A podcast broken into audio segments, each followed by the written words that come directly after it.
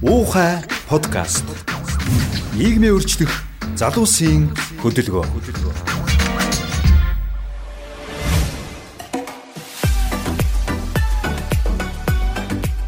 За сайн бацгаана уу? Ууха подкастын 14 дахь дугаар эхлэхэд бэлэн болоод байна.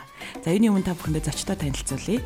За өнөөдөр Ууха подкаст оролцохоор манай Ууха хөдөлгөөний гишүүдийн нэг хуульч үр цайх ирсэн байна. Сайн уу? Сайн байна уу?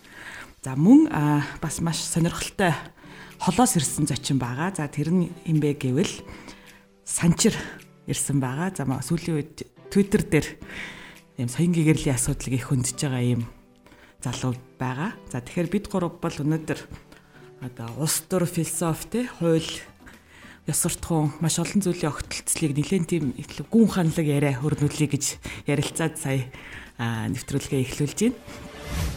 За тэгэхээр юуны өмнө зочтой өөрсдөө танилцуулъя тийм ээ Аа үрээс эхлэе. За тэг. За би үр цах хуульч хөдөлмөрийн үндэсний намын нарийн бичгийн дараах ухаан хөдөлгөөний гишүүн. Чи зөндөл гоншинтай байж тээ. Наа ерөөсө гоншингаа хийхэд хэлэхгүй байсан. Аа одоо бол өмнө нь бол үндсэн хуулийн эрх зүй, сонгуулийн эрх зүй, улс төрийн намуудын эрх зүйн чиглэлээр судалгааны ажил хийсэн. Холбооны өвгөн намт гэрмолсын Бонн тех сургуульд магистрийн зэрэг хамгаалсан. Mm -hmm Монгол Улсын их сургуульд магистр хамгаалсан өмнө нь Ших хотог хууль зүйн дэд сургуулийг төгссөн хуульчтай холбооны гишүүн өмгөөлөгч одоо өмгөөлөгчөөр ажилладаг. За ийм хүн байна. За сайн байцгаана уу. Ингээд намайг Давсраа хөгтө Санчир гэдэг Монгол Улсын их сургуулийн философи ангийг төгссөн. Дараа нь GIT гээд сургуульд ухаан судлалаар магистр хамгаалаад одоо Вений их сургуульд бас философийн чиглэлээр магистр хамгаалж байгаа. Тэгээд албан тушаалыг одоо Монгол улсын иргэн санчир байна да. Тэгэд би бас өмнө нэг 13 онд ардчлалын амин сүнс гээд нэг одоо би нийтлэлийг бичдэг. Тэр нийтлүүдээ эмгтээд нэг ном гаргаж ирсэн. Тэгээд сүүлийн үед соён гэгэрэл гэдэг сэдвийг барьж аваад ерөнхийдөө тэр чиглэлээр л илүү жоохон судалгаа хийгээл Монголын нийгэмтэйгээ холбохгүй л ер нь явж байгаа тийм хүн байна. А магистрийн одоо тезис нь ямар сэдвээр байгаа? Аа би магистрийн ажлаар ерөөдөө шудраг асны талаар тэр нэг Philosophy of John Rawls гэдэг тэр хүний нэг шудраг асны одоо Theory of Justice гэх тэр тал руу ер нь Rawls-ийн нөгөө хөшгөө. Тийм орох бодсон. Тэгээд монголчин яг нөгөө шудраг ас гэдэг хугтхун өөрөө их хэцүү юм байлээ. Тэгээд бас шудраг асны талаар жоохон юмнэр хийх гэж оролдоо. Тэгэнгүүтээ хугтхун дээрээ жоохон гацаа. Тэгээ нилээн жоохон судалгаанаар хийгээд эргэж нэг сэдвэрээ орё гэсэн бодолтой байгаа ер нь бол. Аа Тэгээ философч хүмүүс бол цаадаа л өөрөө юм байл да. Шууд л танилцуулган дээрээ сэтгүүлэг орчиж штий тий. Тэгээ тэгэхээр аа за би бас өөрийгөө танилцуулчих. Нөгөө дөлөө авахгүй болохоор ингээд тэр нь мартагтаад байдаг. За намайг Батэрийн жаргалан гэдэг. Тэгээ ухаа подкастыг хөтлж байгаа ухаа хөдөлгөөний гишүүн. За миний хувьд болохоор бас их сонирхолтой зүйл нь юу вэ гэхээр би анх Колумбик сургууль бакалаврын зэрэг эзэмшгээр элсэж орохдоо эхний нэг жил яг тухай чи философч болно гэж бодолцсон.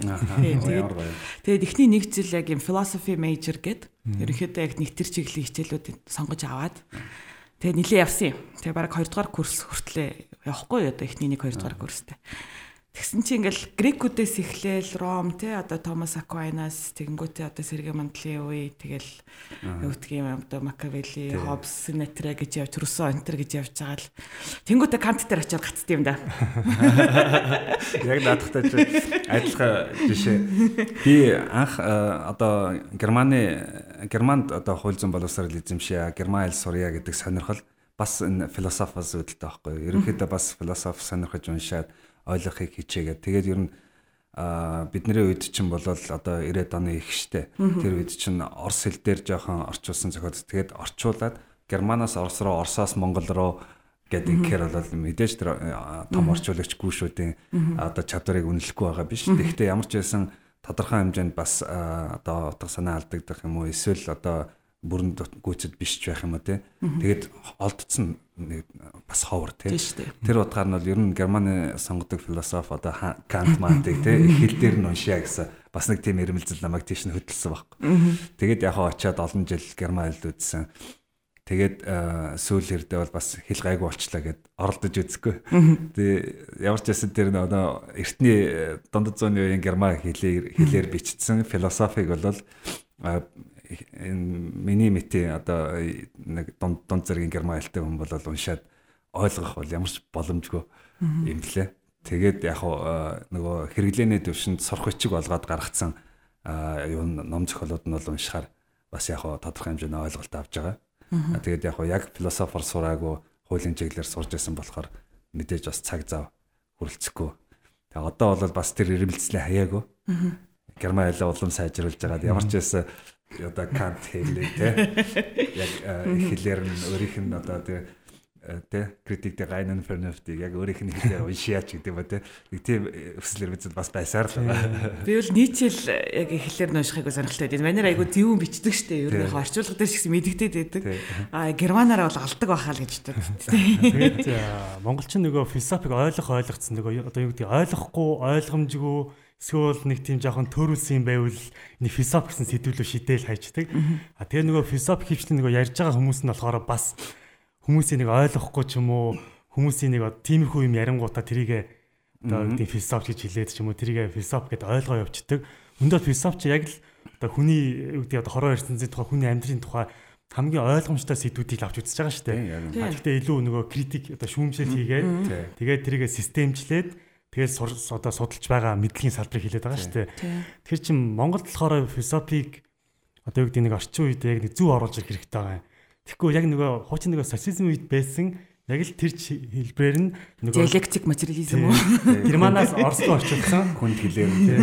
Германаас Орос руу орчуулад Оросыг нөгөө Монгол руу оруулж ирээд тэгэд э, Монголын одоо философийн номнуудыг уншихаар ер нь их ойлгомжгүй байдаг шүү дээ. Хэцүү. Тэгэнгүүтээ тэр номыг уншаад хүнд нөгөө үлдэх мэдлэг байхгүй.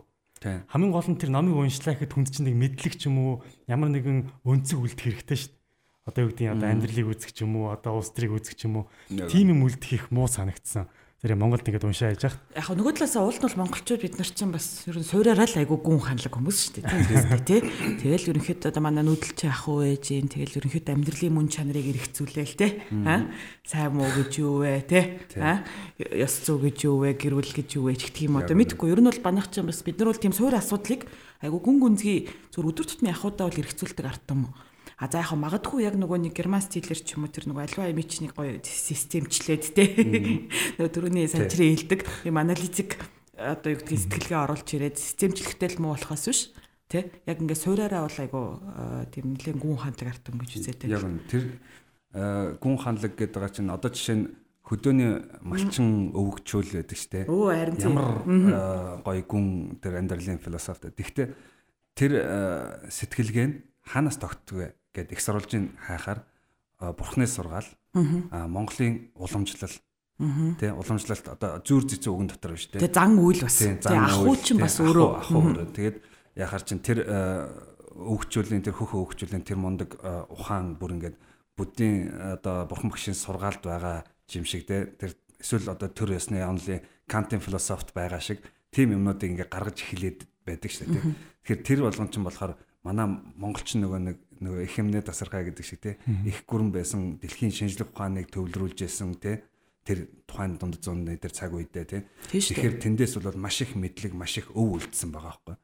Яг баг аман зохиол маягаар тийм одоо ингээд амдаа мэдсэн маягаар одоо би жишээ нь нэг эмээ манай эмээ бол тэгдэг гэсэн аахгүй хүнд юуханд сурсан эрдэм гэдэг жишээл тэр тэр дотор ч л маш их философи байгаа байхгүй А тэгтэл одоо миний хайртай багш байдیں۔ Бор гэдэг Монгол хэл бичгийн багшаас. Тэр багш маань надад хэлж байгаа байхгүй. Хүн аварна гэсэндээ мөрөгдөг юм а гэж. Тэгэхээр тэнд чинь мэдээж хүн одоо нэг юмд ингээд залбиралгуугаад мөрөгж ийн гэдэг чинь тэрийг аварна гэж бодоод мөргөн те. Тэгэхээр тэр нь чинь нөгөө нэг сэтгэлгээний хүн юунаас хинээс юу хүсдэг вэ гэдэг сэтгэлгээний юм байж ах чишээ те. Тэгэл одоо чинь ихэн хээр алаг бол хүн шээр алаг гэл те. А тэр чинь ямар нэг юм их ундраг тэр тэгээд цаашаа генетик генетик гэдэг ингээд дэлгэрүүлээд тайлбарлаад ингээд явах юм бол 500 удаатай ном бичиж болно. Тэгж тэгж бол манай зүрдсэн үгүүд одоо жишээлбэл күнзийн сургаалтай ч гэсэн бас аягүй хөлбөлддөг тий. Тэгээ яг нөгөө олон жил бас хурц зэрэгтэй амьдэрсэн тий. Тэгээ соёлын солилцоод өндөө байсан. Тэнгуүтэй нөгөө күнзэн ангахдаг ч юу нөгөө Монгол Чингис хааны бэлэг сургаал авдаг ч юу гэдэг асуудал байгаа тий яг уу одоо монголчуудын ахуй амьдрал чинь өөрөө бас бид нар чинь нөгөө өн удаан жилийн одоо төр төсны төр уламжлалтай тий. Тиймээс үлдсэн юмнаас их байгаа. А гэтээ үгний одоо ардын аман зохиол ч юм уу одоо монголчуудын зүрх зөвгнөд ч юм уу яг ингээд монголчуудын нөгөө өөрсдийнх нь амьдрал ахуйд бол таарад байгаа байхгүй юу. А гэдрэг бид нар өнөөдөр нөгөө байгуулах байгаа нийгэм маань одоо нөгөө хүмүүнлэг иргэний арчсан нийгэм гэдэг ерөөдөө жоохон барууны үзэл онлоор те байгуулчааг үлээ. Гээ байгуулсан гэж хэлсэн шүү. Тийм болохоор яг энийг байгуулахад бид нар нөгөө одоо өөрсдийнхөө тэр уламжлалтаа нэг инновац шинжилгээ хийх хэрэгтэй болчихж байгаа юм. Яг үнэ. Тэгэнгүүт Монголын нөгөө одоо үеийн нөгөө улс төрийн одоо юу гэдэг философч гэдэг хүмүүс маань яг нөгөө ардын ам зөвхөн тэр магтаал яриад байдаг байхгүй юу?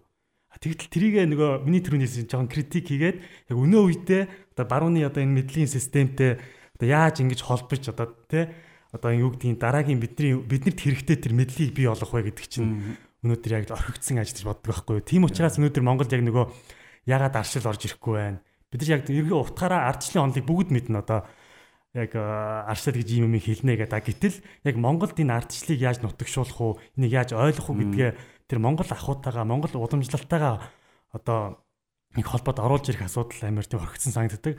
А тэгээ нөгөө талдаа Монгол байдаг нэг аюултай үг надад санагддаг. Энэ болохоор нөгөө уламжлал гэдэг үг. Уламжлал гэдэг үгийг хоёр талаас нь харах хэрэгтэй байхгүй юу? А нэг нь уламжлал өмнөх үеэсээ уламжилж байгаа юм. А нөгөөх нь дараа үеийг уламжлах байхгүй юу? А Монгол болохоор өмнөх үеэсээ уламжлаад байгаа тийм өмнөх үеэ ингээд маш сайн авч явдаг. Одоо Монгол Чингис хаан юм би ингээд өмнөх үе амар сайн зөвтгчдэг хэр алдаадаг. А гэтэл трийгээ одоо үе нь одоо өнөө үедээ тааруулаад дараа үеийг уламжлах хэрэгтэй байхгүй юу? Зөв. Тийм тэр одоо асуудал их орхигдсон. Тийм учраас өнөөгийн яг Монголын ингээ хүмүүсийг харж хахад уламжлал гэдэг шинээр ойлгоод уламжлал гэдэг бол шинжлэл гэдэг энэ хоёр чиг нэг зүйл болчихж байгаа байхгүй юу? Тийм учраас дараа үедээ зориулсан тийм мэдлийг их бүтээх. Өнөө үеийн бидний хийх ёстой ажил. Ажил тийм. Төрөний санчрын нэг хэлсэн зүйл дээр тогтож ярмаар санагтаад байна л да. Тэр нь юу вэ гэхээр угаасаа яг одоо бас оюутан байхад ч гэсэн тэгэж айгуух бодогддог байсан. Яаж ийнэ гэхээр ингээд янз бүрийн одоо жишээлбэл онлын ном зохиолуудыг уншаач гэх юм уу те? Одоо зөвхөн одоо юу гэдгийг нөгөө арчил гэдэг утгаараа ч шүү дээ эдийн засаг те? Одоо юу гэдгийг хуульч төр те? Тэнгууд ингээд нөгөө нэг барууны одоо тэр одоо юу гэдгийг нэг сэтгэл одоо тэр э, академик ертөнцид гэдэг юм уу тэр нь ингээд эргээд иргэдийнхаа сэтгэлгээ банк э, гүн бат суудсан одоо нэг ухтгуунууд шүү дээ тийм үү? Тэнгүүд одоо жишээл нэг юм жишээ өгдөг байхгүй одоо нөгөө transparent government гэл тий тэнгүүдээ тэр чинь нэг манайх тунгалаг төр гэж ярьчаа тий. Тий тэнгуүдээ нөгөө тунгалаг төр нь юу ч юм бүүт тий. Яг л яриа тунгалаг болох гэдэг. Өөрөөр хэлбэл ингээд нөгөө нэг юм нэр томьёонууд ингээд импортлогдоод ороод ирж штэ тий. А тэнгуүдээ тэр нь ингээд нэг юм одоо ойлгохгүй. Яг тэр нөгөө импортын их болохоор тий. Тэнгуүдээ ингээд нөгөө нэг тэр импортынхаа нэр томьёоны хүрээнд ингээд яг одоо нөгөө бүр яг философи төвшөнд ярих юм бол нөгөө хилний философи Чи бас айгу нарийн өгчтсөн салбар шүү дээ тий. Тэнгүүтээ нэг үг нь байхгүй зүйлийн талаар хүн одоо жишээлбэл сэтгэж чадахгүй ч гэдэг юм уу тий. Одоо төсөөлөл үсгүй. Тий, төсөөлөл үсгүй тий. Тэгэхээр манад яг нэг 90 онд бол ялангуяа бүр яг тийм проблем айгу өндөр байсан байхгүй. Тий. Маш олон юм цоошин ухагтхуунууд, цоошин нэр томьёонууд импортлогдоод ороод ирсэн. Тий. Тэднүүстэй бид нар ингээд нөгөө үг оноож өгөхөд хүртэл тий. Тэгэл нэг юм хиймлэр тунгалагч гэж яах шиг тий. А магадгүй яг тунгалаг төрөл одоо бол бас харцсангуйгаа айгу Ингээд ерөнхийдөө нутагшаат те одоо одоо 20 30 жил болчихлоо шүү дээ. Тэгэнгүүтээ ингээд одоо жишээл эдийн засгийн одоо онлын хүрээнд ч гэсэндээ тийм ойлголтууд маш их байгаа. Би ч нөгөө өөрөө тэр салбарын мэрэгжил эцсийн бүлэгт эзэмшсэн байхгүй. Тэ маш олон тийм одоо нөгөө нэг яг нэг одоо юу гэдгийг орчуулган дээр тогтоогүйч гэдэг юм уу те нэг хүн нь болохоор шал өөр нэр томьёо хэрэглээд байдаг. Нөгөө нөхөр нь болохоор өөрийнхөө орчуулад байдаг нэг бол тэр нэр томьёог нь орчуулах гэж бүтэн өгүүлбэр бичих хэрэгтэй байна тийм гэх мэтчлээ. Тийм тэгэхээр ингээ бидэрт нөгөө нэг тэр чинь нутагшгүй байгааг одоо бид нар яаж нутагшуулах вэ? Тийм тэр бол энэ дээр юу гэж сэтгэлгээний шинжилгээ ухааны хийх хэрэгтэй ажил та Төрөний санчрын хэлсэн дөрөв бас нэг э, жоохон буцсмаар санагдаад байна. Юу гэхээр Миний э, докторийн ажлыг удиржсэн профессор Lover гэж хүн байдаг. Тэгээд тэр профессор бол надад юу гэж хэлж байсан гэхээр би э, Монголд шин сонгуулийн санал эрх зүй санал болгох нь гэсэн сэдв байхгүй. Одоо эх орондоо хэрэгтэй бас амьдралын 3 жилээ зорж байгаа юм чинь ингээд тэгээд яасан чинь би нөгөө зүйн одоо Монголын талаар нөгөө мэдлэггүй хүмүүст бичэн штэ тэр чинь тий герман хэл дээр бичээд германы шинжлэх ухаанд зориулаад бичгээр чинь Монголын эхлээд нөгөө төр зүйн түүх мөх тэр талаар жоох ингээд бичсэн. Тий тэр оршил дээр ингээд явж байхад бол тийжээс та нар одоо ингээд барууны одоо арчил либерал чөлөөт арчилсан нийгмийг байгуулах гэдэг ингээд явж байгаа. Энэ үзэл сэтгэлгээг бол авах хэрэгтэй. Гэхдээ та нар яг нөгөө хэм хэмжээ эргэцэн онол тэр юмдаа бас өөрийнхөө уг үндсээс юм хайвал маш илүү одоо амьдралтай, суйртай тийм болно шүү гэдэг тийм одоо э, зөвлөгөө өгчээсэн л да. А тэгэхдээ нөгөө талд нь бид нар сая нэг уламжлалт шинжилэл гэдэг шиг тийм зөвхөн одоо хуучнтайгаа зурлаад хуучныгаа мууч байсан, сайн ч байсан зөв гэд яваад байх юм бол бас алдах гэдэг. Тэгэхээр улирч хоцорсон тий цаг үе илээдсэн тийм одоо сургаал заншил хэм хэмжээнүүдээ бид нар хаяад ирээдүйд одоо шин шин дэлхий дээр шин нийгэмд зохицох шаардлагатай тэр үзэл сургаалаа хөгжүүлээд эдүгээчлээд тийм ээ тэгээд ингээд цааш нь авч явах хэрэгтэй. А тэгтэл нөгөө нэг экстрем байгаад байгаа. Одоо манай энэ улс төрчид гэдэг юм уу одоо энэ дарга нар чинь бол нөгөө бид нар чинь бас харьцангуй нэг номын бол үзсэн байж тээ тийм гадаад яваад тэр барууны э, юуг нь хэлээр нь уншаад гээд ингээд тийм а энэ мэдлэгтэй танилцаж амжилгүй дарга болцсон. Манай одоо ахмад юм энэ нөхдөө чинь болохоор юу гэдэг гэхээр а нөгөө 60 удсан ламаас зовлон удсан чагунц дээр те энэ нэг э, хоосон онол ярьсан хүүхдүүд гэдэг. А гэтэл энэний цаана тэр онол чинь үүсхийн тулд тэр онолыг тэр хүмүүс бичихийн тулд тэр э, барууны улсууд хэдэн сая хүнээ алдаад хэдэн бас маш олон жор үдсэн чавганцуудын золиосон дунд цус хөлсөөр бүтсэн тэр онол сургаалыг шууд үгүйсгээ явчихдаг байхгүй. Өөрөөр хэлбэл өөрөө мэдэхгүй ингээд мэтгэлцэн явна дээ. Мэтгэлцэн яваад ингээд одоо чинь мухардахаараа суур алдаанууд нь гарч ирээд мухардахаараа онл ярьсан хэдэн хүүхдүүд гэ тэ эсвэл жор үдсэн ламаас жолоо үдсэн чамаас ийм нэг буруу юм бас. Тэгэхээр энэ хоёр экстремийг бид нар яг нөгөө одоо алтан дундж ийн олоод зөв хөгжүүлэх нь бол өнөө үеийн бидний үүрэг юм уу гэж харж байна. Наад асуудал чинь болохоор харин эргээл нөгөө нэг тэр онол нь нутагшгүй байгааг бас нэг тэ одоо юу гэдгийг нэг үр дагавар болчиход байхгүй тэ тэр тэр монгол хэл дээр тийм олигтой юу алга тэ тийм одоо юу гэдгийг нэг тийм номын сан нутагшгүй гэдэг дээр нэг асуудал бол бид нар бид нарт нэм сэтгэлгээний нэг юм үе шатууд байгаад байгаа шүү дээ Монголын одоо нийгмийн сэтгэл зүйн сэтгэлгээний те бид нар чинь нөгөө буддийн сургаалтай уламжлалт одоо төрөөсний онолтой эсвэл философийн сэтгэлгээтэй явж байгаад социализм гэдэг юм байна. Социализмын үед бид нар ястаа нэг диалектик материализм те тэрүүгээр ингээд яагаад сургагдаа тэнд бол бас идеологи үүссэн байхгүй. Өөрөөр хэлбэл нийгмийн идеал гэж байдаг шүү дээ. Тэр идеалыг тэнд бол тодорхой хэмжээнд энэ биш үү коммунизм байгуулагч гэдэг юм уу те нэг юм ингээ харуулсан. А тэгээ тэрийг баримжаалаад явж байна. Тэрний дараа бид нар арчилсан нийгэм рүү шилжээд чөлөөт арчилсан нийгмийн үнд зүйлүүдийг өөрийн болгох хэрэгтэй байсан.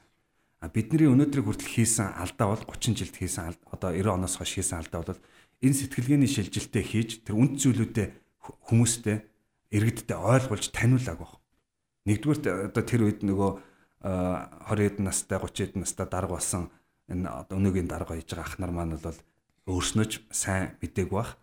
А хоёрдугаарт тэрийг сонгогчдын боловсрал буюу сонгогчд иргэд тэрийг ойлгож иж үнтэй гэдгийг мэдж иж тэр үнд зүйлийн агуулгыг ойлгож иж арчлын соёл төлөвсөн. Арчил бол соёл тий соёл учраас өөрөө төлөвшөх цаг хугацаа практикт цаг хугацаа шаардна тий.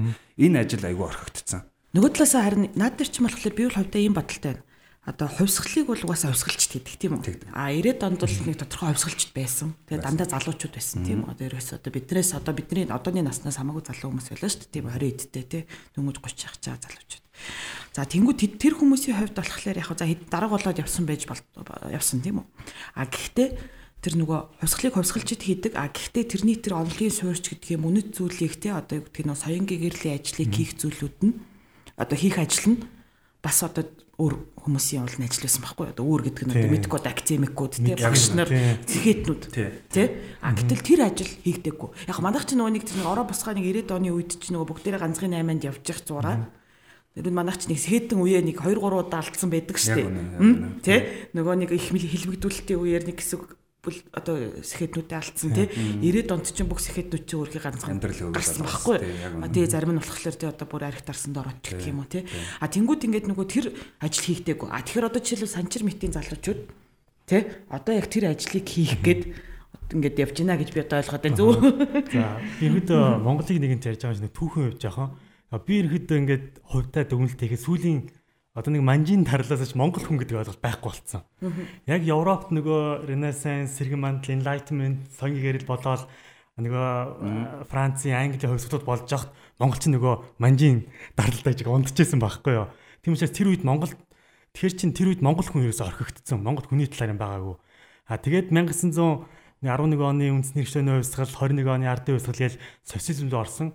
Социализм чинь өөрөө бас монгол хүний төлөө биш социализмын одоо социализмын төлөө тийм юу болчихж байгаа байхгүй. Тийм коммунизм байгуулах гэдэг шүү дээ. Коммунизм байгуулах. Тэгээс Монгол хүн байхгүй бас. Ардчилчин өөрөө бас одоо 30 жилд бид нар ч нэг ардчлалыг байгуулах байгуулах гад яваад байгаа болохоос ш бид нар Монгол хүн гэдэг бас орхисон байхгүй юу. Тийм учраас сүүлийн 300 жил Монгол хүн гэдэг ойлголт орхигдсон. А чи яг нөгөө тогтолцоогоо яриад нэгжээ мартаад байна. Тийм. Тэгэхээр чин ардчлалын ерөөдөө бидний хамгийн гол юм бол бид нар Монгол хүнийг бий болгох хэрэгтэй байхгүй юу? Одоо үнэт зүйлтэй, ухамсартай, ёс суртахуунтай, тий одоо иргэн шисэн.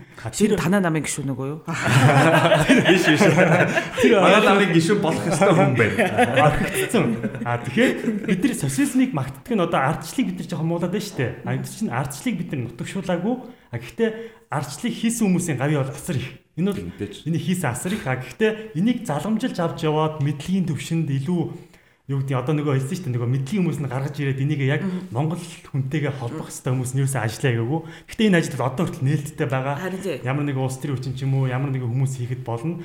Тийм учраас бид нар социализмыг муулах хэрэггүй тий ардчлалыг энэ ажлыг бол улс төрийн хүчин хийхгүй шүү дээ. Энэ ажлыг бол яг зүгээр нөө сэхэтнүүд хийх хэрэгтэй байхгүй академикууд хийх хэрэгтэй тийм үү? А хийх хийхдээ магадгүй манай үеийнхэн хийн. Яагаад вэ гэхээр бид нар чинь бас харьцангуй ингээд юм чөлөөт нийгэмдтэй нөгөө нэг байгуулах гэдэг байгаа хүмүүнлэг арчилсан. Тэр нийгэмд чинь бас ингээд нөгөө ухаан орсон тий. Бас тэрний тэр нийгмийн бас одоо юу гэдэг үр шимийг хүртсэн тий одоо ингээд нөгөө сэтгэлгээний хувьд шал өөр одоо юу гэдэг нээлттэй орчин төрчлөө нөгөө талаас хоёр нийгмийнхээ аль аль тий. тэгэхээр одоо яг тэрийг үргээ гүйцэтгэхгүй л байна тий тэрийг одоо бас ингээд залуус тавиалмаар байгаа байхгүй тийм ээ дор бүрнээ яг өөрийнхөө салбарт тий. энэ одоо юу гэдгийг нэг мэдлэгийг хураангуулах тийм одоо нөгөө Монголын одоо онцлогийг шингээсэн ч гэх юм уу тий. Одоо юу гэдэг өөрийнхөө түүхтэр бас нэг жоохон эргэцүүлэх хийх тэгэж нэг бид нар өөрийн гэсэн зүйлийг бүтээхгүй бол болохгүй гэдэг. А тэр манжийн тал дээр миний бас нэг бодож явдаг зүйл гэдэг байхгүй. Тэрний яасан бэ гэхэлэр яг нөгөө а манжийн үед ямар зүйл болсон бэ гэхлээр тухайн ч нөө бурхны шашин айгу газар авцсан байсан тийм үү? а тэнгуүтээ яг тэр үед болохоор Монголд ерөөс огт мэдлэг байхгүй тий одоо юу гэдгийг тийм байхгүйсэн гэдэг нь бас өрөөсгөл.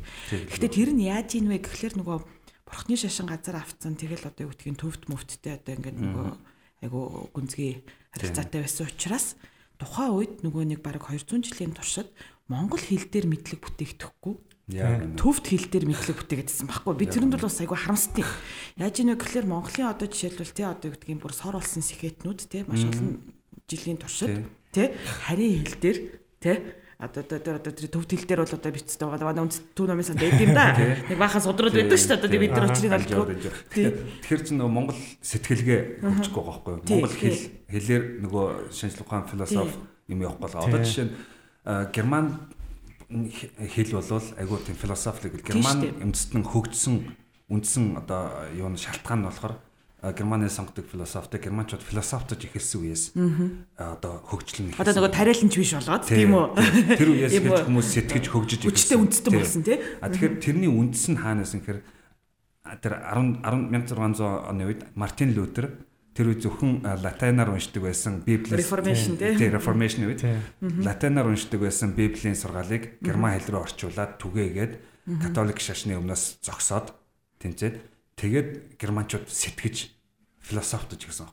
Одоо өнөөдөр яг өнөөгийн нийгэмд бол нэг тэр юу гарч ийн л да тийм одоо буддийн сургаалыг одоо далай багш бол баруунд одоо буддийн философи айгүй хүчтэй болж шүү. Тэгэхээр тэрийг нөгөө далай лама дээр чинь нөгөө англи хэл дээр ном зохиолоод гаргаад тэгээд тэр нь орчуулагдаад явхаар буддийн буддийн шинжин бол бас үндсэндээ шашин биш байхгүй. Яг религо нэг ихлэгтэй монотеист биш. Тийм учраас ерөнхийдөө амьдралын философи гэж бас хэлж болохоор тийм сургаал шүү дээ. Тэгэхээр тэр юм нь одоо яг одоо барууны нийгэмд аяг хүчтэй орж байгаа. Манайд өнөөдөр одоо чинь нэм самбуу гавжаас гэсүүлээ тий өөр бусад хүмүүс байна тий реформац хийж байгаа. Reformation маягийн хийж штэ одоо буддийн сургаалыг монгол хэл рүү монгол хэл дээр болгоод хүмүүс нь ойлгож шүтдэг мухар одоо айж шүтдэг биш ойлгож шүтдэг байх энэ чиглэл рүү. Тэгэхээр одоо монголчууд бас сэтгэдэг философтдаг болж ирнэ. Гэтэ яг тэрнээс өмнө бол бид нарт одоо социализмын үед боловсролын системээр дамжаад бас нөгөө философи урсгал чиглэлүүд сэтгэлгээний юмнууд ороод ирцэн. Аа нөгөө христийн шашны бас сүм мөмүүд байгуулагдаад библ мебл орчуулдаг бас ингээд орж ирсэн. Энэ утгаараа бол та одоо тэгээд дээрэс нь мэдээллийн зам болцсон хүмүүс мэдээллийг ханаас ч авдаг болсон. Монголын залуучууд бол ялангуяа англи, герман одоо тийм хөгжилтэй орнуудын хэлээр одоо мэдээлэл их байгаа хэлээр мэдээлэл авдаг болсон. Энэ утгаараа бол ирээд бол их зөв гоё л харагдаж байгаа. Одоо зөвхөн ажиллах хэрэгтэй байна тийм. Хиний Кейнс гээд нэг эдийн засгч байдаг шүү дээ. Бас цааш Английн бас бүр treasurer энэ төр хийсэн тий. Тэгэнгүүт Кейнси нэг айгу сонь сонь үг байдий. Надад дандаа бодогдоод байдаг. Тэрний юу вэ гэхэлэр аа аа өгсөн бас онол гэж хамаагүй гэж хэлж байгаа. Адгийн улс төрч хүртэл хин нэгэн мартагдсан онолчийн Тий. Сургаал те ингээд гүнзгий одоо нэг 70 тухамсарт нөлөөсөр л байдаг маягтай те. Тэрэнгүүтээ тэр нь юу гэсэн үг вэ гэхэлэр яг одоо тэр нөгөө түрүүн санчир хэлсэн шүү дээ. Одоо нөгөө төр гэж юу вэ? Төрийн хим хэмжээ хязгаар гэдэг тал дээр ч гэдэг юм уу те. Одоо бас ингээд ойлголтуудаа нэгтгэмээр байна гэж. Тэгэхээр тэр болохоор надад юу санагдаж байна вэ гэхэлэр манад магадгүй одоо улс төрчид нь онлолоос хол байж болох ч гэсэн тий одоо жишээлбэл одоо ингээд чөлөө зах зээл тий ардчлал гих мэтийн зүйлүүдийн талаар маш тийм одоо ингээд юу гэдэг юм юу хайрцаглагдсан бодолтой. За нэг жишээ. Одоо манай Хүрлбаатар сайд заяа одоо яг одоо засаглаж чинь тийм үү? Сангийн сайд. Тий. За тэнгууд одоо ингээ коронавирусын одоо юм асуудал үүслээ. Тийм үү? Эдийн засаг хямарж байна. Эдийн засаг бол хямарсан. Тийм үү? Ойлгомжтой. Бүр ингээ хямарсан. А энэ дээр бол төрийн бас ингээд нөгөө нэг юм одоо зохицуулт дээр одоо тэр нөгөө залж чиглүүлэх үүрэг бол хамгийн ихээр өгүүлэгдэж байна. Тийм ээ. Тэ? А гэтэл Хүрлбаатар сайд юу гэж ярьж байна гэхэлэр гоо эн чи одоо ингээд хоёр этгээд хоорондоо байгуулсан гэрээ тийм үү төр орчлохгүй. Тэ? Тийм. А тэгэхээр тэр чинь ингээд бүр айгу маш тийм одоо нэг юм одоо хайрцаглагдсан зүйл яриад байгаа зү. Чи онцгой нөхцөл байдал үүссэн тийм үү? Төр яах гэж оршдээ. Тийм биз дээ. Одоо зохицуулт эцсийн байдлаар зах зээл одоо маркет фейлер болох ч юм уу те. А ямар нэг онцгой нөхцөл байдал үүсэх юм бол төр те нэгэнтээ ингээд нөгөө нэг юм мандаттай юм чинь. Тодорхой зохицуултуудыг хийж хийж явах хэрэгтэй те. Энэ тал дээр юу гэж бодчих. Тийм. За би зүгээр энэ талаар юу талаас нь ярьчих жоохон нөгөө монголчуудын монголчууд одоо ингээд улс төрч хүн төрийн үнийг жоохон тэр ойлгох талаас нь ингээд ярихад бол одоо жишээ нь баруунд ч юм уу ингээд төрийн хүнийг ингээд авч үзэх үзэхдээ ингээд төрийн хүмүүс нийлж штэ би одоо Америкийн ард түмэнд, Германы ард түмэнд одоо served гээд одоо үйлчилсэн гэж ярьж штэ. Яг үнэ service. Аа тий. Аа service гэдэг те. Монголд болохоор зүтгэсэн гэж одоо байхгүй. Эндээс нэгээд тэр ментали одоо оюуны асар том ялгаа гарч байгаа хар хүнцгий. Монголд бол ерөөсөө л төрийн өнгө гэхээр одоо улс төрчид нь ямар нэг ард түмэн улс тэдэд өртөө юм шиг явдаг байхгүй. Германаар бол гидимт гэж байна. Гидимт те зүтгэж гин. Би энэ ард түмнээ зүтгэж гин. Баг хорон даргаасаа эхлээд ерхий сайд төртлөө би Монголын ард түмнээ зүтгэж гин. Бид бараг өртөө тий. А тэгвэл бид нар чинь нэг арьсууд хийсэн байгаа штэ. Хүн болгон урдах яг урдах ажиллаад хийж явал орон хөгжинэ. А энэ локер авч үзэх юм бол гудамжны цэвэрлэгч хүртэл зүтгэж байгаа байхгүй Монголд. А гэтэл Монгол болохоор гудамжны цэвэрлэгчнүүд үйлчилж байгаа гээд одоо гудамж ба цэвэрлж байгаа хүмүүс нэгээ доод тах. Цалин авч байгаа тий. А дээд хүмүүс нь болохоор зүтгэж байгаа. Хоёр тишийг авчиж байгаа байхгүй юу? А баруунд бол бүгд үйлчилж байна. Тэ? Би Америкийн ард түмэнд 20 жил үйлчиллээ. Германы ард тэрнгээр бахархаж шít үйлчилснээрээ. А тэгэхээр чин тэр хүн чин ямар нэгэн одоо юу гэдэг албатай юм шиг биш. Өөрийн хүслээрээ. А бидний улс төрчдийн нийгэм ойлгох хэвээр улс төрийн өөрийнхөө хүслээрээ явж байгаа шít. Хинч чамаг улс төрч бол ерхий сайд бол ерхийч бол гэж албатай юм шиг яваагүй. Тэр ихтгэл сонгуульт нэр тийм шин дээр хинч алдаагүй штэ. Тэ? Алдаагүй. Тийм учраас энэ дээр бид нар нөгөө үгний өөр одоо юу гэдэг жоохон зөрөөнөөс олоод тэр улс төрч хүний одоо нөгөө имиж бүрдэх те тухайн ард түмний менталитетэд тэр улс төрч хүний төсөөлөл үүсэх асар зөрүүтэй болчихж байгаа юм. Яг үнэ манайд болохоор улс төрч хингүүтэй нэг юм том дарга тий одоо ингээ нэг дээрээс тий авторитет тий а тэгэхээр тэр хүн арилаагүй арилааг байгаа байхгүй. Гэтэ энэ дэр нэг жижигхэн нюанс хэлэхэд ерөнхийдөө нийтийн төлөө ажиллана гэж байна шүү дээ. Улс төрийн алавчин бол нийтийн төлөө нийтийн сайн сайхны төлөө одоо ажиллаж байгаа.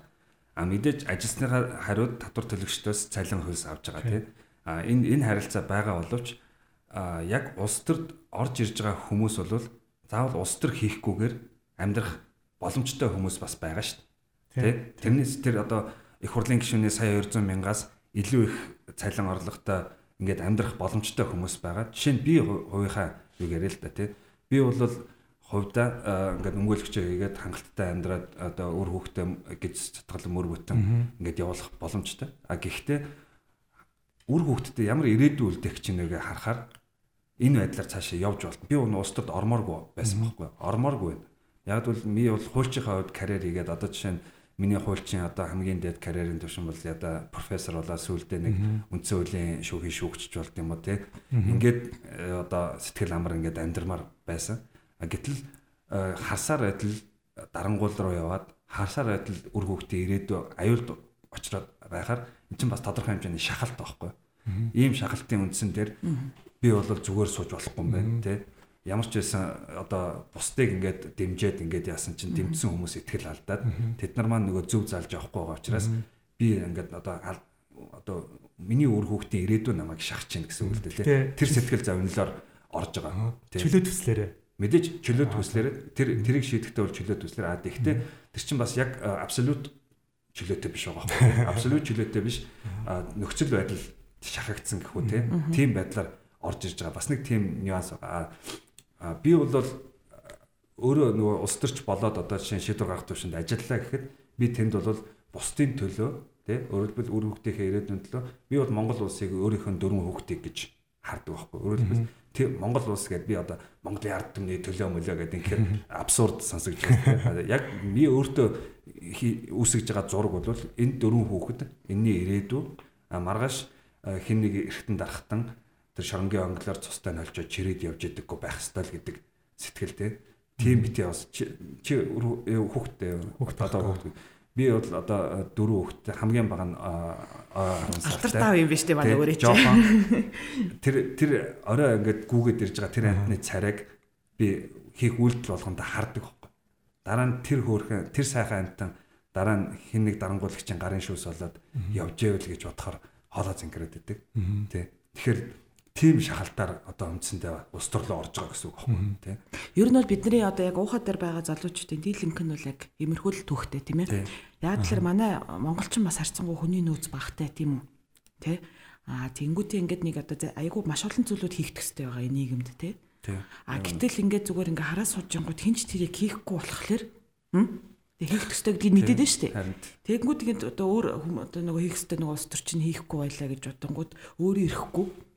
Тэ одоо нэг хийх систем чи одоо надаас одоо үний хажуудаа ахын харчаад өөр хүн байхгүй шүү дээ тий. За одоо би л одоо яаж хийж байгаа л чадах чинийгээрээ хийдаа гэсэн бас нэг бодол агуулж байгаа байхгүй давхар тий. Тий а тэгэхээр тэр бол нөгөө нэг юун дээр хэдий чөлөө төсөл гэж байгаа боловч бас яг түрүүний үрээгээ хилдэг бол тийм абсолют чөлөө төсөл биш те. Яг вэ гэхэлэр эн чинь бас нэг юм нэг үүрэг хариуцлага ч гэдэг юм уу те. А дээрэс нь ерөнхийдөө юм дарамт чахалт бас үүсчихэж байна тийм ээ. Би одоо жишээлбэл гэр бүлээ те. Ер нь би одоо өөрөө зүгээр иргэний хувьд Тэгээ ийм одоо нийгэмд амьдрахыг хүсэж байна уу юу те. Миний мөнгөөр одоо жишээлбэл те цэцэрлэг түрээлэн 3.2 тэрбум те төгрөгөөр жорлон бариад одоо одоо мэдхгүй одоо тэр усан арилгуур те яах гээд байгаа юм те. А зүгээр миний мөнгөөр тэнцэж яваачаад музейд дураачлаа шүү дээ. А өнөөдөр эн чинь нэг жижигхэн дур зарга юм шиг боловч тий. Одоо жижигхэн дур зарга жижиг асуудал юм шиг боловч энэ эндээс л томордог. Эн чинь л дараа нь 37 оных шиг хилмигдүүлэлт рүү аваачдаг тий. Дарангуулагч төрдөг. Ийм юм бол ялангуяа өнөөдрийн нөгөө дэлхийд үсээд байгаа яваад байгаа давлгаа хандлага ба шүү дээ тий либерал юг ингээд одоо үгүйсгээд хүчтэй дарангуулагч төр хэрэгтэй мэрэгтэй гэдэг юм. Энэ үл яг хоёр хөршөөс манад бас суулгаж байгаа пропаганда маягийн байгаа л да. Гэхдээ ерөнхийдөө дэлхийд дээр нэг тиймэрхүү хандлага нөгөө үндэсрэх үзлийн давлгаач гэдэг юм уу тий. А мэдээж глобализ юу даяарчлал буюу тий бүх даяараа ингээд нэг улс шиг байна гэдэг бол бүтэхгүй зүйл. Тэн тэр дотор нөгөө Одоо сая бол коронавирус үл тэрийг бол маш сайн харууллаа. Маш сайн харуулж байгаа шүү тий.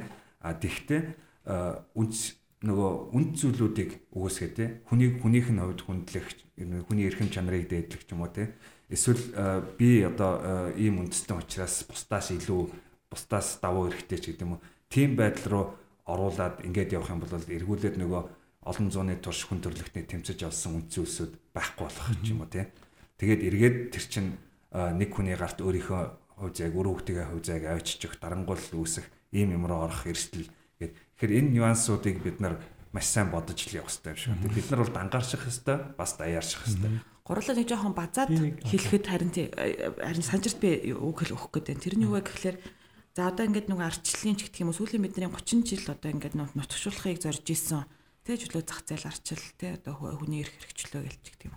Яг энэ зүйлүүд бас хангалттай одоо нөгөө нэг юу академик түвшин мэдлэгийн түвшинд тэ байхгүй гэж хэлээд байт юм уу.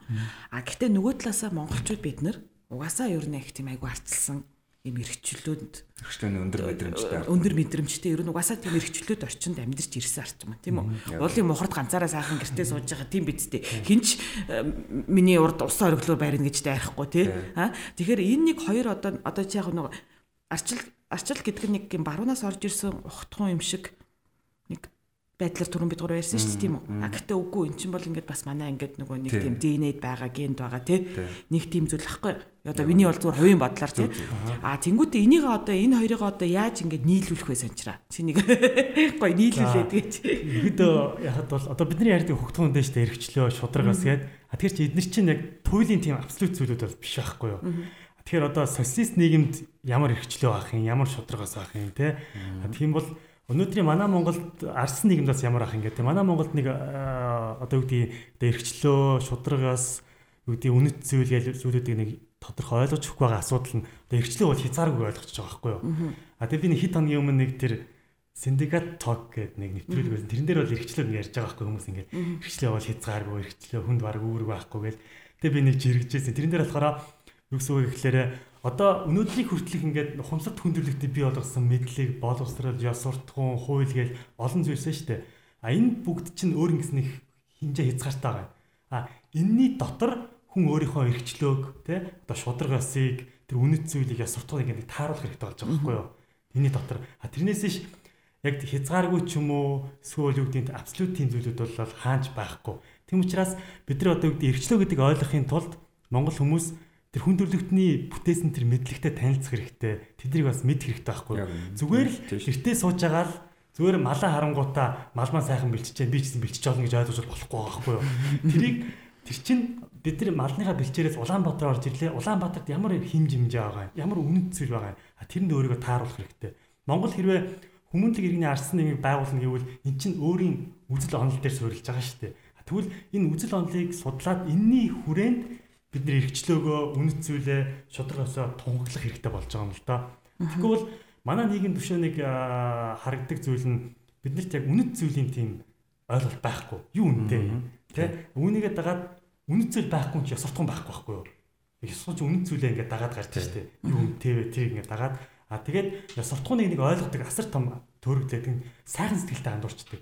Энд бол жасартун часар рационал зүйл байхгүй юу? Яг зарчим дээр суурилж байгаа. Хим хэмжээ. Хим хэмжээ тий зарчим дээр суурилж байгаа. Тэгэд Монгол химжиж болно тий.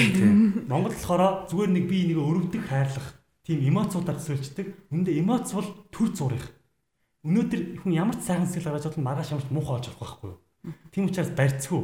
Тийм учраас ёс суртахууныг тэр сэтгэл хөдлөлөөс салгаад одоо яа уучлаарай тасалчлаа. Гэтэ юм яг нэг юм бодит улс төрийн жишээ байна л да. Одоо жишээлбэл сайхан сэтгэл бөгөөд те одоо юу гэдэг суртахуунт байдал тийм үү.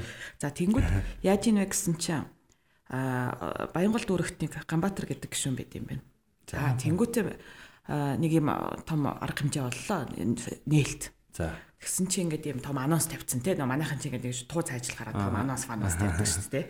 Тэнгүүтээ одоо юу гэдгийг Ганбаатар гişүний бараг те одоо хувийн хөрөнгөөр барьж байгуулсан замын нээлт. За. Тэнгүү доор нэг л баахан комментууд те. Пэн Ганбаатар гişүн чи яасан сайхан сэтгэлтэй хүн бэ те. Хувийнхаа хөрөнгөөр зам барьчлаа. Өстэй нэг гişүүд ингмээр. Гэтэ одоо тэр одоо улсын хурлын гишүүн гэдэг хүний одоо ажил үүргийн хуваарт хувийнхаа хөрөнгөөр тийм үү дид үтц байгуулад тий одоо ингээд бүр тийм засмал зам тэгээ ямар үнэтэй вэ мэдчихэж ч тийм биз дээ тий ха Тэнгүүдээ тэрний сайхан сэтгэлийг хүмүүс гайхаад байгаа байхгүй юу? Ихэд тэр зөрчдөд юм байж болох уу? Тэгээд нэг ойлголт Монголд ингэ жидүү гэдэг юм яваадсан шүү дээ. Тэгээд юм гарч ирсэн жидүүгээс тэр бумыг аваад 100 саяны буйны үйл зарцуулж байгаа. Зарцуулвал тэр чинь ингээд тэр хүн бол баатар байхгүй юу? Тий.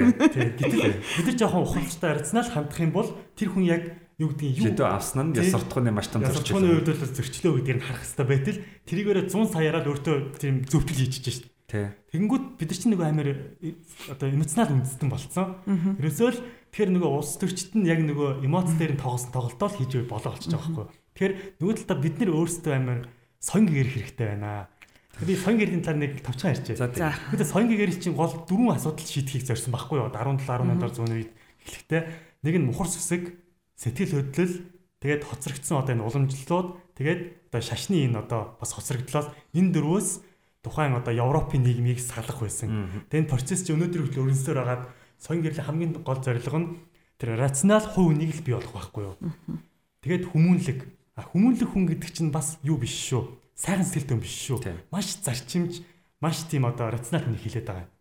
Тэр Монгол байгаа хамгийн аюултай зүйл бол сайхан сэтгэл гэдэг ойлголт. Тэгээд энэ сэтгэл хөдлөлүүд энэ аюултай нийгмийн тийм одоо ард түмний хувьд чөтөр тушаа болоод байгаа зүйлүүд би нэг айгу амар юм хэлэхөө. А за. 12 он дээр одоо яг нэг улсын хурлын сонгуулийн өмнөхөн ингээд хийгдчихсэн судалгаанууд дээр тий. За та одоо яг ямар одоо нэр дэвшигчийг илүүд үзэх вэ энэ гэл одоо тиймэрхүү нэг судалгаанууд игдэг шүү дээ санал асуулгад. За 12 оны тэгсэн чинь санал асуулгаар болохоор эрдэм мэдлэгтэй боловсралтай гэдэг зүйл айгу давмгаалж ижээ. Аа за. Тэ яг тэрийг одоо хамгийн нэн төрөний шалгуур болгох. За сая тэгсэн чинь 16 оны хэдэн судалгаа үгүй биш сая 20 онд хийгдсэн хэдэн судалгаануудыг харлаа одоо саяхан гэсэн үг. Тэгсэн чинь нөгөө сэтгэлтэй хүн гэдэг чинь бүр нэг номерт ороод тийм ер нь тийм хашаа байхгүй тий.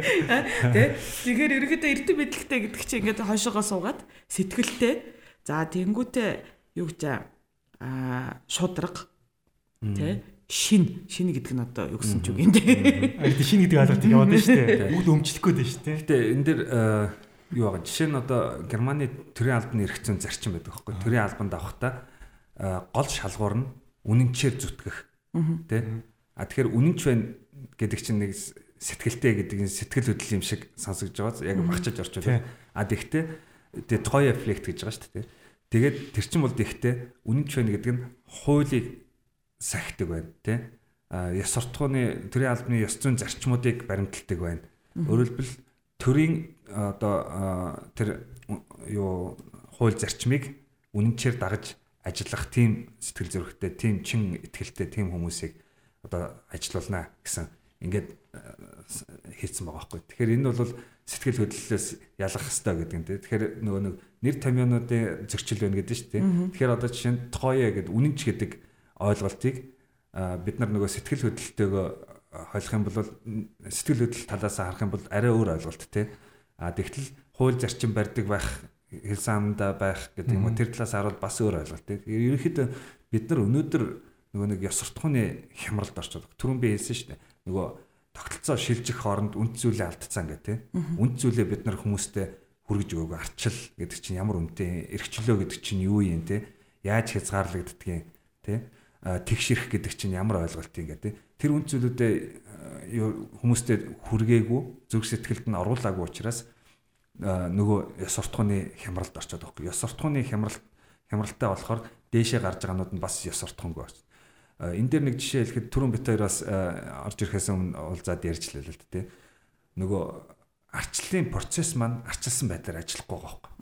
Тэгэхээр процесс нь техникийн алдаатай учраас нөгөө яг том ард түмнийг төлөөлж гарч ирэх парламент тий одоо төлөөлж илэрхийлж гарч ирэх парламент маань яг тэр арт түмний бодж байгаа юм уу тэр арт түм биш болчиход байгаа байхгүй. Хуурж гарч ирээд байгаа. Жишээлбэл бид манай үндсэн хуулиуд байгаа айгүй том суур алдаа байна. Бүр үндсэн хуулийн шүүхэн тэрийг зөвшөөрөө шийдээ явчихдаг. Республика бүгд найрамдах ёс тий. Эн чин арчил бүхний засаг гэсэн тий. А дээрэс нь ардчлал гэдэг чинь ард түмний засгийн эрхийг барих тий. Тэгэд тэхинд бол тэгш эрхтэй байх хэрэгтэй. Индивид болгон тий сувереныг бүрдүүлж байгаа бүр эрхтнийг бүрдүүлж байгаа индивид болгон тэгш эрхтэй бүгдээр ижил эрхтэйгээр төрөө сонгож иж тэр төр бидний төр болно тий. Гэтэл одоо энэ томсгосон мажоритар тогтолцоо гэдэг. Ажина саллын тоо ярих гэдэг тий. Томсгосон мажоритар тогтолцоон дээр зарим нь 2, зарим нь 3. А бүр 2008 онд бол 1 4 гэдээ ялгаатай байсан тий. Эн чин дөрвөн саналтай иргэний төр واخгүй. Түүнээс чинь нэг саналтай иргэний төр биш болчихж байгаа юм тий. Ингээд тэгшэрх нь тэгш эрх зөрчиж яана гэдэг үндсэн хуулийн шүүхэд хандахаар тий суур алт байхгүй юм чинь.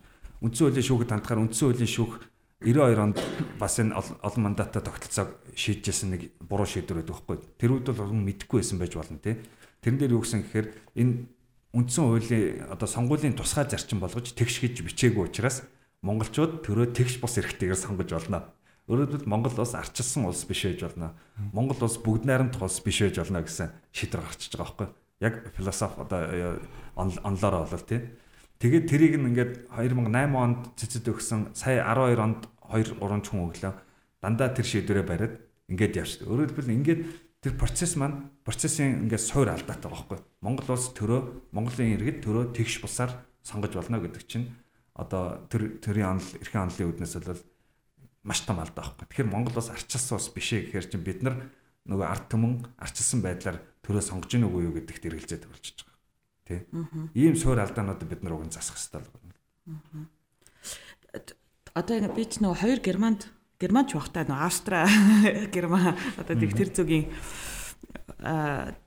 боловсрол эзэмшсэн хоёр залуутай сууж чинь тэгээд нэг ийм зүйл бодогдоод байна л та юу гэж нэ гэхэлэр түрүүн бас өөрөө хэлсэн тий одоо юу гэх докторийн ажлаа хийж нь та нар бас өөрсдөө өөрсдийнхөө уламжлал руу өнгөөгөөрөө гэдэг тий багш нь хэлжсэн гэдэг а тэнгуүдээ Германы хувьд болохоор харин одоо жишээлбэл а ялангуяа 20 дугаар зууны түүхийг харах юм бол тий бас айгүй тийм сонирхолтой түүхтэй тий хэд хэдэн дэлхийн дайнд оролцсон. Тэгэл нөгөө нэг босод хүмүүс нь жоохон ад үзэх маягтай ч гэдэг юм уу тий босод тус орно тий.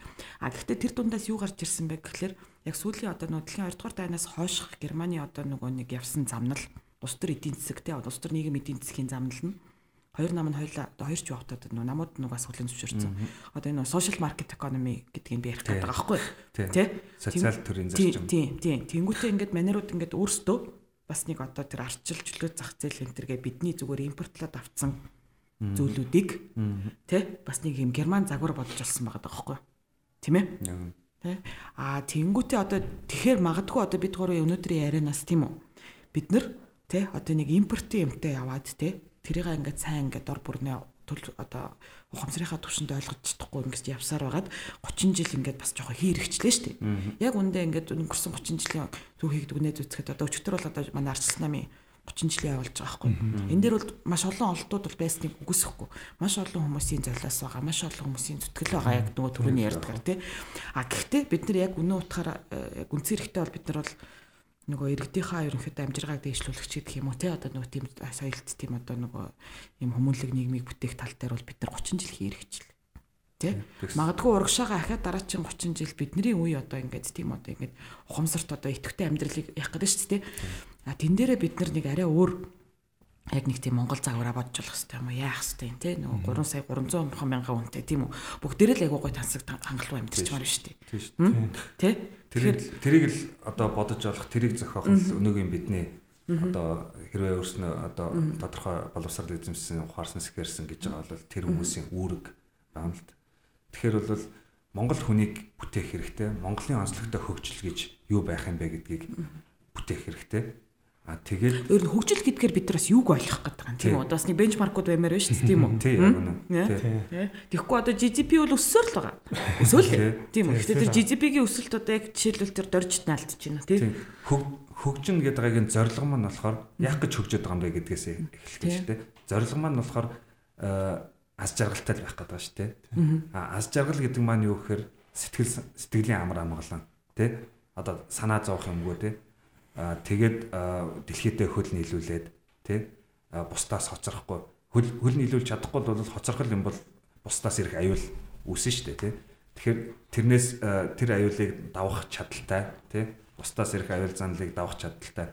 Тийм байдал сэтгэлийн амар амгалантай л болох хэрэгтэй шүү дээ хөгжлөө бол ерөөхдөө би бол тэгжил хэмжиж байгаа. А тэгээд тэрэнд хүрэхийн тулд бид нарт э, бид бид одоо явах зам мөр маань ямар байх вэ гэдгийг гаргах гэдэг шүү. Тэгэхээр зам мөрмөн Монголын онцлогтой тэгээд дэлхийн одоо дэлхийдээ хөл нийлүүлсэн. За өнөөдөр бол найжуул дөрөв дөрөвдүгээр хувьсгал технологийн дэвшилтэй энэ бүх юмаа ингээд хамт аваад явцсан. Тэгээ хамгийн гол нь Монгол хүн хөгжсөн, Монгол хүнээ хөгжүүлсэн тий. Тэгээд тэр хүн чинь л эргээд нөгөө бид нар нэг нэгэнд хамт амьдрах юм чинь тэр хүн чинь эргээд тэр хөгжил бүтээмж тэр бүх юмны их үндэс болно те. А хажууд ядуу монгол хүн байхад би амар амгалан байх боломж байхгүй те.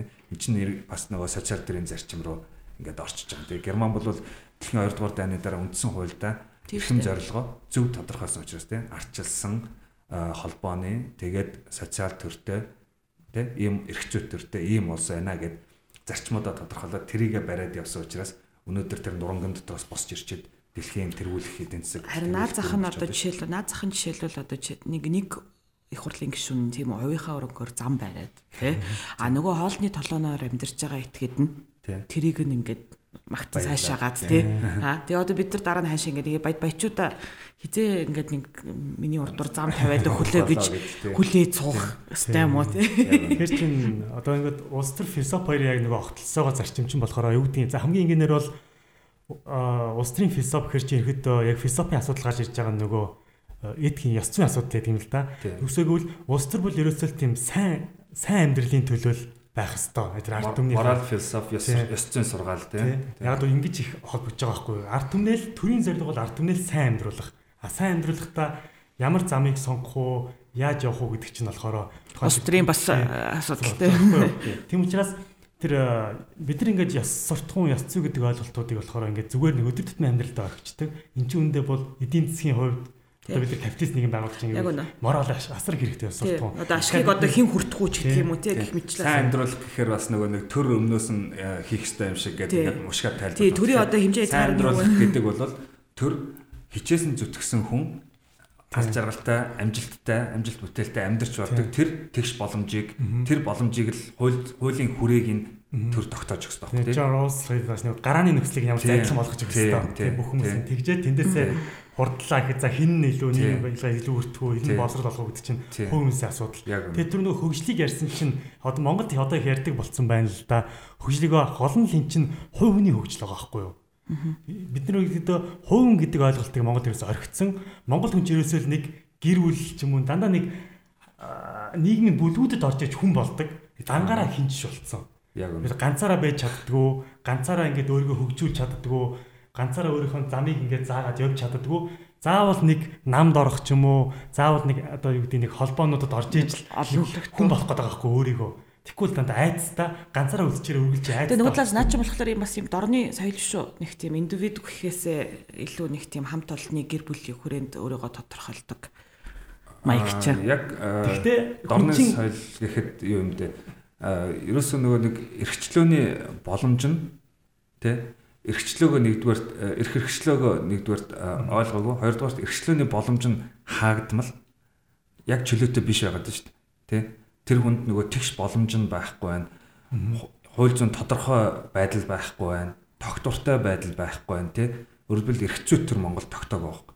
Эрх зүйт төр тогтоод би энэ миний орон зай энэ би энэ орон зайд миний хийж болох юм энэ би амьдралаа ингэж төлөвлөж болно. Ингээд төлөвлөөд тэдэн онд тэдэн сарын тэдэнд би тийм амжилттай, тийм цалин орлоготой тэгээд тэдэн хүүхэдтэй ингээд амьдрнаа тий тэтгэвртэй гарахад миний тэтгэвэр тэд байна гэдэг. Одоо эргцэн эргцүү төртэй байх юм бол бид нэр эргцэн доктортой байдалтай, тодорхой байдалтай хууль дээдлэх ёстой тий. Ингээд нөгөө эргцүү төрийн бүх нөхцлүүдийг бид нар хангаад өгчих юм бол хүн амьдралаа төлөвлөх чадвартай байна гэдэг чинь сэтгэл санаа амар болдог байхгүй.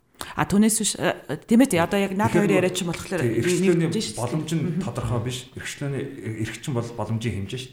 Тэгэхээр тэр маань тодорхой биш. Хүмүүс тэр дотор амьдралаа зохицуулах боломжгүй болохоор айдас Тэ? А тэгээд айдастай болохоор аль нэг бүлэг рүү орж хамтарч яах. Би одоо шууд гараад гудамжинд гарангууд одоо юу гэдгийг хэн нэгэн миний нэг зүйлийг хулгайлчлаа ч гэх юм уу? Ямар нэг асуудал үүслээ гэхэд одоо тийм үү? Одоо манай шүүх цагдаагийн тогтолцоо. Миний асуудлыг шийднэ гэдэгт би итгэлгүй байгаа шүү дээ тэгэхээр энэ нэгэн цагдаатай бас бараг найзуулах гэдэг шүү дээ юмыг яаж мэдэх вэ одоо сая хэд хоногийн өмнө мөхт манай мөн дөлөөгийн асуудал шүү дээ яг өөрөө бүр хуулиа судалж хагаад хуулиа сахиад би ганцаараа үжил бодлоо илэрхийлээ зогсож гин гэж яхад барьж авч явчаад хууль бусаар эрүүлжүүлэхэд айж хийгээд тэгэнгүүтээ дараа нь нөгөө хүн байхад ялан олдно гэдэг шиг тий бүр сүлдө 20 зээрийн дэглэм зөрчсөн гэд. Тэр чинь өөрөө бас 2 м зогсаараа магсаараа гэдэг хүмүүсийг тэгээд байгаа шүү дээ. Ганцаараа зогс. Тэгэл ингээд шийтгэр оноочж байгаа.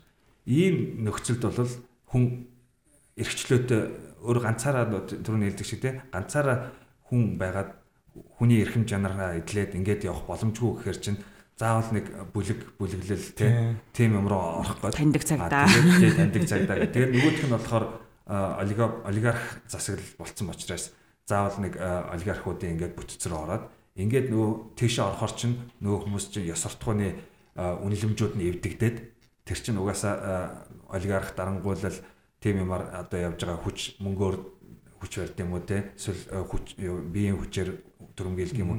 Тийм э, соёлтой институт юм уу? Эсвэл бүлгүүрөө орчхоор тийш орсон хүний бас өөрийнх нь ёс суртахууны үнэлэмжүүд яг нугасаа одоо манай дийлэнх байгууллагын соёлууд бол олон нийтийн байгууллагуудын байгууллагын соёл нь бол тийм нэг ёс суртахууны тийм нийтлэг үнлэмжүүд нь бол яг өнд байгаа шүү дээ тийм үү. Тэнгүүтээ ингээд хичнээн супер нөхөр тийм одоо гадаад дотоод төгсөж орж ирэл тийм үү. Айгуу сайхан гэгэл гоё ирмэлцэлтэй орж ирээд тий ямар нэгэн тийм бүлэглөө ороод тэгээд нөгөө эвдрээд ч гэх юм уу тий. Эвдрээд дуусж байгаа байхгүй. Эвдрээд дуусж байгаа байхгүй. А тэгэхээр ингээд нөгөө нэг тийм нөгөө бас хүн ам цөөтэйг инж зовлоно уу? Тий. Германаар бол нөгөө хемшвэлэ гэдэг байна. Хемшвэлэ яг нэг муу юм хийхийн өмнө өөрийнх нь өмнө байдаг тэр суртахууны барьер саад шүү дээ. Тэр нь нуурчаар нэг удаа хийчихээр тэгээд дараа нь болдог. Тэртээ тэргөө угаасаа бүгдээрээ ингээд ингээд цаашаа явдаг. Нэг хулгай хийгээд баригтаагүй тийм үү? Тэнгүүд маргааш. Нэг жижиг буруу юмд оролцдог. Тэгээд аа гэсэн. Тэгээд би ер нь тэгсэн юм чинь дараагийн тэр бол яадаг ингээд ингээд нөгөө яс суртахаа хэвдэрээд байдаг хөөхгүй нийгмийн яс суртахаа. Тэгэхээр тэр хүмүүсийг нөгөө институцууд бохор болохоор институцууд буруу болохоор а тэгээд ганцаараа юм уу өөрийнхөө хувь хүнийхээ хувьд хинч биш байгаад тахаар эрхчлөөгөө эдлэх боломжгүй байгаад тахаар ингээд нөгөө нийтээрээ эвдрэх юм бол ороод байна л да. Тийм. Тэгээд одоо бид нар чинь нэг өөрчлөлт шинжилж одоо шинжилтийг хүсэж штэ. Тэгээд хүндрэлтийн төгөнд альва өөрчлөлт шинжилэлт одоо бүхий л хөдөлгөөнүүд одоо Европт одоо ягаад илүү амжилтууд олвоо гэхээр чинь тэр ард түмний тархинд эхлээд тэр суух хэрэгтэй гэж байхгүй юу? Одоо өрн ард бид ардсан хөдөлгөөн болоо гэхэд ард түмэн ардсан үзэл бэлнэ үү? Тэ? Бид нар одоо эргчлөөтэй байг бол ард түмэн яг эргчлөөтэй байхад бэлнэ үү гэд тэрийгээ их сайн ойлгох хэрэгтэй юм байлаа. А тэгэхгүй юмыг одоо шууд копидэж авчраа авчраад шууд бид нар ингээд гэдэг одоо хүндрэлтний хэдэн мянган жилийн тэр юм дээр авчирч штэ. А гэтэл чинь одоо түрүүн дээр хэлсэн шиг одоо зөвхөн эргчлөө гэдэг ойлголт гарахын өмнө чинь 2000 жилийн өмнө зөвхөн хаан эргчлөөтөө одоо юу гэдэг дундад зууны зөвхөн шашныхын эргчлөөтөө байлаа шүү дээ. Хувиндууд эргчлөө гэдэг ойлголт авахгүй бүр мэдэж чадахгүй гэдэг байлаа шүү. Тэр чинь бидний өнөөдрийн амархан хилээд байгаа эргчлөө шударгаас гээд ойлголтууд чи үнэндээ бол хэдэн мянган жил хүмүүс нойргүй суугаад тэнийг мангараараа дуудуулаад тэмцээд үгүй тэмцээд бүр цус хөлс одоо юу гэдгийг тэргээр олж авч байгаа зүйл. Сократесаас хийж байгаа шүү дээ. Хороож өгдөг ч юм уу. Одоо Галилей юм Коперник шатаагдаад гэтэл бидний тэр бүхнүүдийг Монголд яг нэг авсан бид нар ингээд нэг тийм их том золиосгүй бид нар аваад ирсэн. Одоо тэгвэл одоо Монголын мэдлэгийн салбарын ч юм уу хүмүүс нэгдээд энийг яг ард түмнийхөө тархинд нь хийж өгье. Ард түмэндээ ойлгуулъя те. Үн зүйлийг үнтэй биш үнтэй гэдгийг мэдэхгүй тийм яг зөв. яа яг тийм тэр хүн чинь нөгөө нэг өөртөө өөртөө байгаа ямиг үнэлэхгүй алдсан хойно үнийг мэддэг те. Тийм учраас бид нар өнөөдөр яг ийм юмны өмнө ирчээд байгаа хөөх. Засаглалын хэлбэр солио, дарангуйлагчтай болио, хүчтэй засаг, хүчтэй засаг гэдгээр гэдгээ булчинтай нөхөр гэж ойлгоод байгаа шүү. Яг ийм юмны өмнө ирчээд тэгээд бид нар энэ эрхчлөө ардчлал энэ үнтэй юм а үнийг ойлгохгүй байжгаад алдчихад дараа нь харамсах тэр өдөр ямар хатуу гашуун байх вэ гэдэг энийг л бодмоор байгаа хөөх те. Окей. Яг наад э, санаан дээр чинь зогсъё залуусаа. Тэгээ үнгүүдүүл үнгүүдүүлэхгүй болохоос үндсөөлөө таниулъя. Заавал мэдэрч шингээд ойлгомоор нь шүү дээ. За манай подкастыг бас нэг уламжлал байгаа. Тэрний юу вэ гэхэлэр ерөнхийдөө сэдвийнхаа хүрээнд ч юм уу эсвэл одоо ойрын үед уншиж байгаа тий Тэгээ бас сонсогчд бас санал болох үст нэг тийм нэг нэг ном санал болох хэрэгтэй байгаа. Тий Би тэр Steven Pinker гэдэг хүний Enlightenment Now гэдэг нэг ном байсан. Тэрийг би сая нэг 100 саний хэсэг ингээд уншсан аахгүй. Тэр нь болохоор ингээд яг нөгөө соён гэгэрлийн нөгөө одоо 17 17 соён гэгэрлийн асуудлуудыг яг өнөө үед гоё ингээд статистик тоо баримттай одоо соён гэгэрлийн юуны үед ямар хуу хүндрэлтэн дэвшлүүд олсон тий Тэр бүр энгийнээр өвчсөн ингээд яг жирийн хүн ингээд уншаад ойлгоход тэр философийн биш бүр нийгэмтэйгээ холбоотойчсон тийм ном байлээ. Тэгээд тэр номыг унших юм бол ерөнхийдөө тийм соён гэрлийн талаар соён гэрлийн сэдвийг одоо баларсан дунд зууны байдлаар биш яг өнөөгийн нийгэмдээ ингэж ойлгож ойлгоход их тусдах болно гэж. А манай санчир бол ер нь бол яг соён гэрлийнхаа юм дээр өстэй нэр айгүй сайн барьж байна. За өөрөө би бол жоохон хуучин ном уншиж байгаа. Тэр юу гэхээр нөгөө нэг Германы Давид Брейт гэдэг Гэдэг философи байгаа шүү дээ тийм. Тэрний нөгөө нэг би хинбэ тийм бол хэдэн бивэ гэдэг Монголд орчуулагдсан шүү дээ. Би яа би фил гэдэг Тэрийг э, герман хэл дээр э, уншиж байгаа. Тэгээд яг орчуулснаар нь биш германаар нь э, Монгол дээр тэрийг харсан уу? Монгол дээр нь ер зүгээр эргүүлж харсан бүтэн болон уншаагүй. Хэр санагдсан. Тий яг орчуулга бол мэдээж нөгөө дахиад нөгөө нэр томьёо тогтоогүй могтоогүй гэдэг тий. Тэгэхээр ойлгоход бол бас жоохон хэцүү яг нөгөө агуулга нь гарахгүй. Герман хэл дээр нь уншихад бол нөгөө философиг хэрэглээний төвшөнд авч энгийн болгож тий. Хүн болгон ойлгохоор болгож бичсэн одоо жоохон pop философч байхгүй популяр тий Тэгээ манай одоо молор доктор бас ирэхэд дуурайгаад байсан санагдаад тэгээд яваад байгаа. Гэхдээ бол э, тэр Давид Прехт бол гайхалтай мундаг философ тэгээд нэвтрүүлэг хийгээд ингээд одоо германчуудыг бас дахиад философтож эхлэхэд бол маш өндөр үүрэг гүйцэтгэж байгаа тийм э, залуу философч байхгүй. Мундаг мундаг. Тэгээ тэрийг уншиж байгаа. Тэгээ тэр дотор ингээд нөгөө нэг биологи ухаан мухаан ингээд бүх юм оруулаад хүний амьдрал тэгээ ер нь философийн түүхийг ингээд өгүүлчихэж байгаа байхгүй. Тэгээ орчин үеийн нөгөө мэдлгүүдийн төвшин хүрцэн төвшнүүдийг ингэж гаргаад тий. Тэгэхээр бол маш сонирхолтой. Тэр Германы ч юм уу одоо ингээд тэр гадны нөгөө одоо яг философийн бичсэн номуудыг харахад нэг тэдний нэг гайхах хэвээр юм 2 300 ном тий. Эсвэл одоо 100-аад номыг ч юм уу тэр мэдлэгийг өөрөө ном бичгтээ ашиглаад өнөөгийн нийгэмтэйгээ ашиглаад тэгээд харин чинь шингээд бичиж байгаа байна. Тий, яг тэр бол яг Монгол хүнд бол айгүй бууж байгаа. Монгол тэр соёлыг орж ирэхтэй юм шиг санагдсан. Яг наадтай ч агаар нэг нэг нэг зохиолыг би өөрөө хувьдаа санал болгоё гэж бодож байна. Тэр нь юу вэ гэхлээр бас магадгүй одоо яг нөө их их зохиолыг нь уншаа унших зав байхгүй ч гэдэг юм уу. Тиймэр хүмүүсийн хувьд бол заавал уншвал зохилтой нэг ном нь нөө Бертран Расселийн A History of Western Civil uh, Western Philosophy гэдэг тий өрний одоо философийн түүх гэдэг Нобелийн шагнал Нобелийн гэхдээ уран зохиолын шагнал авсан тий ийм бүтээл байгаа. За энэ дээр болохоор ерөнхийдөө бол нөгөө нэг том том сэтгэгч нарын аа үзэл санааны бол түүхийг бол маш яруу гоё хэллэгээр бичсэн байгаа. Тэгээ сая бол Монголд бас нэг орчуулагцсан харагдсан. Гэхдээ бид нар орчуулагынх нь бас чанарыг нь бол яг сайн хэлж мэдэхгүй байна.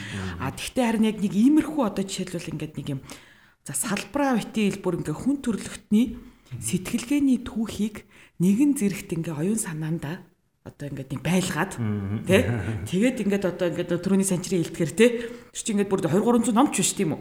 Тэгээд ерөөсөө л хүн төрөлхтний сэтгэлгээний түүхийг ингээд оюун санаандаа багтаагаад тэрийг ингээд хураангуулна гэдэг чинь хураангуулна гэдэг чинь бүр агуу байхгүй. А тэгэхээр яхаа ер манай тарин их тийм юм айгуу дутагтаад байна. Тэ? Яг тэн дээр яг зур жоохон хөтлөгчийн давуу тал ашиглаад тэгээд үрээгийн сэдвийн дагуу нэг юм хэлчихэд одоо жишээл манай ингээд нөгөө хууль хэрэгцсэн систем биш ч тогтолцоо. Аа тэнгууд үндсэн хуулиас ахуулаад салбар хуулиуд тийм үү? Одоо тэгэл нэг 600-аад нэг тийм жижиг одоо нэг юм э, би дасан хуулиуд байна гэж юм тийм үү. Яг тэр система бас яг ингээд нөгөө нэг толгоондоо багтаагаад тэгээд тэр эрх зүйн шинжилгээг хийх ч гэдэг юм уу тийм хуульчвал манай дээр бас ерөнхийдөө бол их ховрол байгаа юм шиг харагдаад байгаа. А гэхдээ энэ бол зөвхөн нөгөө нэг хуулийн салбар дээр яг тэгэхээр сайн нөгөө өнцөө хуулийн өөрчлөлт энэ төр гэдэг ерөнхийдөө ингээд айгүй олон хүмүүс туулцж яхад. А гэхдээ ерөн салбар болгонд ийм байгаа. Тэ? Яаж ийнэ гэхлээр хуулийн салбар дээр бас нэг онцлог нь нөгөө бид нар маш хурдан маш олон хууль өрцөн түрүүн дээрээс нь би эрх зүй докторгүй байна гэсэн шүү дээ. Тэгээд яхаар нөгөө энэ тэндээс дээрээс нь энэ тэндээс сайн сайн гэсэн болгоныг Anglo Saxon systems их газрын зүйн systems ингээд нийлүүлээд үхрийн бүр шиг болгоцсон. Яг систем болгож ажилдаггүй систем болгож харахад ч бас Харин тэгэхээр одоо тэр чинь нэг үгүй нэг ч юм шээ нэлээд хэдэн хүмүүс тархинда одоо оюун санаандаа багтаагаад том нэгдэл үүсч тэгээд шинчлэх хийх хэрэгтэй. Ерөөсө цэвэрлэгээ хэрэгтэй. гэж гэж ер нь одоо хараад байхгүй.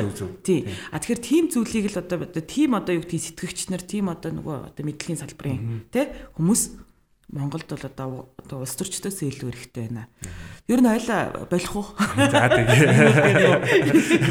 Системчлэг гэдэг нөгөө философи метод шүү дээ. Тэрийг суралцах хэрэгтэй болж байгаа байхгүй юу? Яг л одоо ч ашиг нөгөө шинжлэх ухааны мэдлэгийн салбарч амар тийм интеграцлагч лэгцсэн бизнесчээс гэж гардаг. Тэгсэн болохоор нөгөө юу болчихж байгаа нөгөө салбар үрээсээ мэддэгтэй болоод явахгүй. Хуулийн өмнөхөд философи нэг суралтуудыг тэр аргуудыг ашигладаг болохгүй бол бас жоохон юу гэдэг жоо хоцрогдоод байгаа санагдсан. Яг үнэ. Яг үнэ. Тийм байна. За.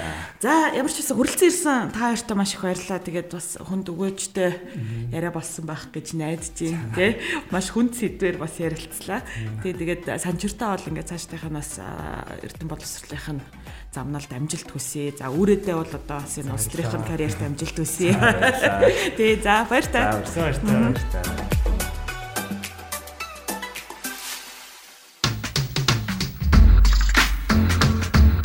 Уухай подкаст. Нийгмийн өөрчлөх залуусын хөдөлгөөн.